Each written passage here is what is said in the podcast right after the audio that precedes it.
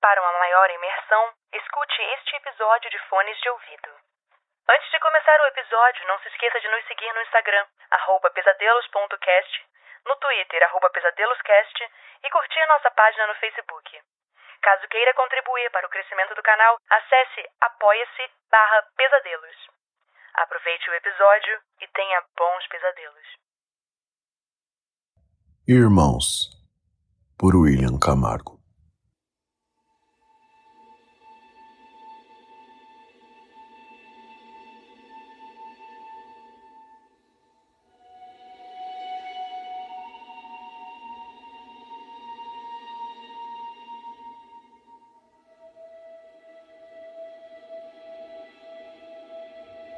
Aquele ano, minha cidade havia recebido muita gente. Eu era jovem, mas eu sabia que era algo do governo.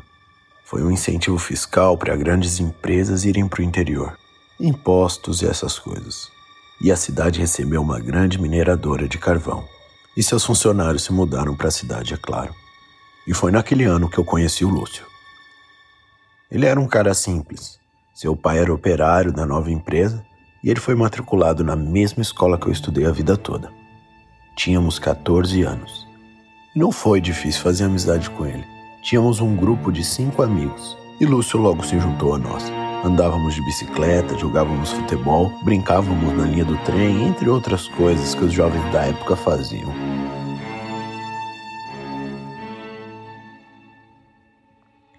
Alguns meses se passaram e o comportamento de Lúcio foi ficando cada vez mais estranho. Primeiro, porque ele nunca podia ceder a casa dele para fazermos trabalhos escolares. Um amigo perguntou por que uma vez. Ele disse: Sua mãe não deixa, Lúcio? E ele respondeu rindo: Qual das duas?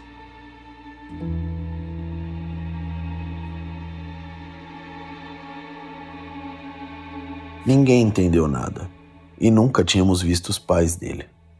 Mas um dia, um amigo nosso disse tê-lo visto no mercado com seu avô e Lúcio fingiu que não viu. Até então, tudo bem. Alguns pais naquela época eram realmente estranhos, e convenhamos que todo adolescente sente um pouco de vergonha de encontrar os amigos com os pais ou avós.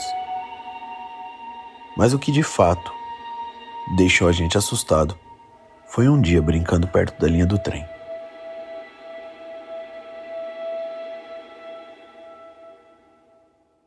A gente se reunia lá para andar de bicicleta e ver o pôr do sol. E Lúcio adorava tirar pedras em pássaros ou torturar pequenos insetos. Mas aquele dia os garotos decidiram brincar de lutinha. E acidentalmente, um dos nossos amigos acertou o rosto de Lúcio. Ele perdeu completamente o controle. Partiu para cima violentamente. A gente demorou para entender que era sério. E quando a gente decidiu separar os dois se debatendo na linha do trem, o cargueiro estava vindo. E a gente só se deu conta com a buzina do trem. Todos se afastaram, mas Lúcio segurou o outro garoto na linha do trem até o último momento. O trem passou raspando.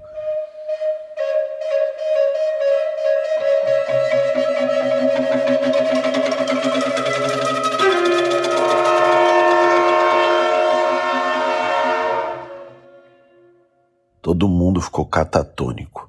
Depois ele riu, pegou sua bicicleta e voltou para casa em silêncio.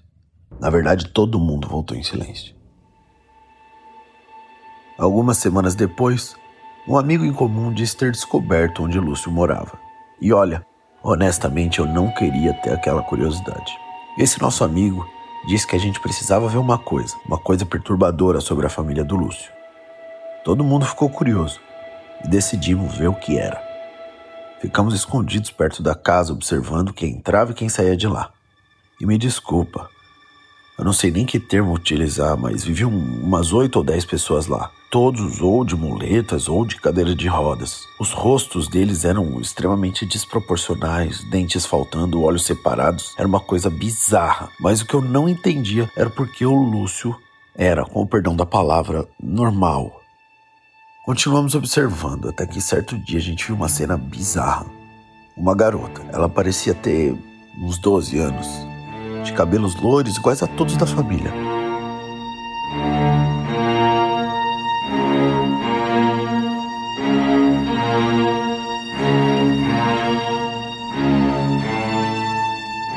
apesar das feições bizarras, todos realmente pareciam da mesma família.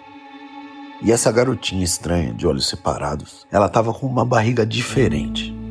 Se é que você me entende. Tava grande para uma criança, sabe? Enfim, a gente era jovem, mas não era idiota. Sabíamos que tinha alguma coisa de errado ali. Ficamos tão perturbados que a gente parou de bisbilhotar.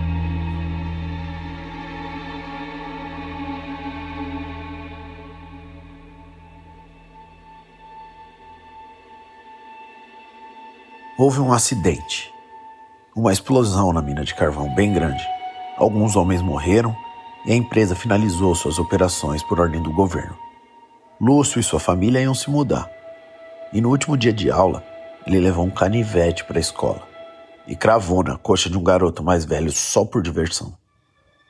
Mas tudo começou a fazer sentido, porque quando o incidente do canivete aconteceu e Lúcio foi expulso, a escola foi na casa dele. E lá foi descoberto um dos maiores escândalos da minha cidade. O pai e a mãe de Lúcio eram irmãos, e seu pai procriava com as próprias filhas, as irmãs de Lúcio. Daí a gente entendeu tudo. Lúcio não tinha nenhuma deformidade como seus irmãos e irmãs. Pelo menos não física. Sua mente, no entanto, foi a mais perturbadora e deformada de todas que já conheci.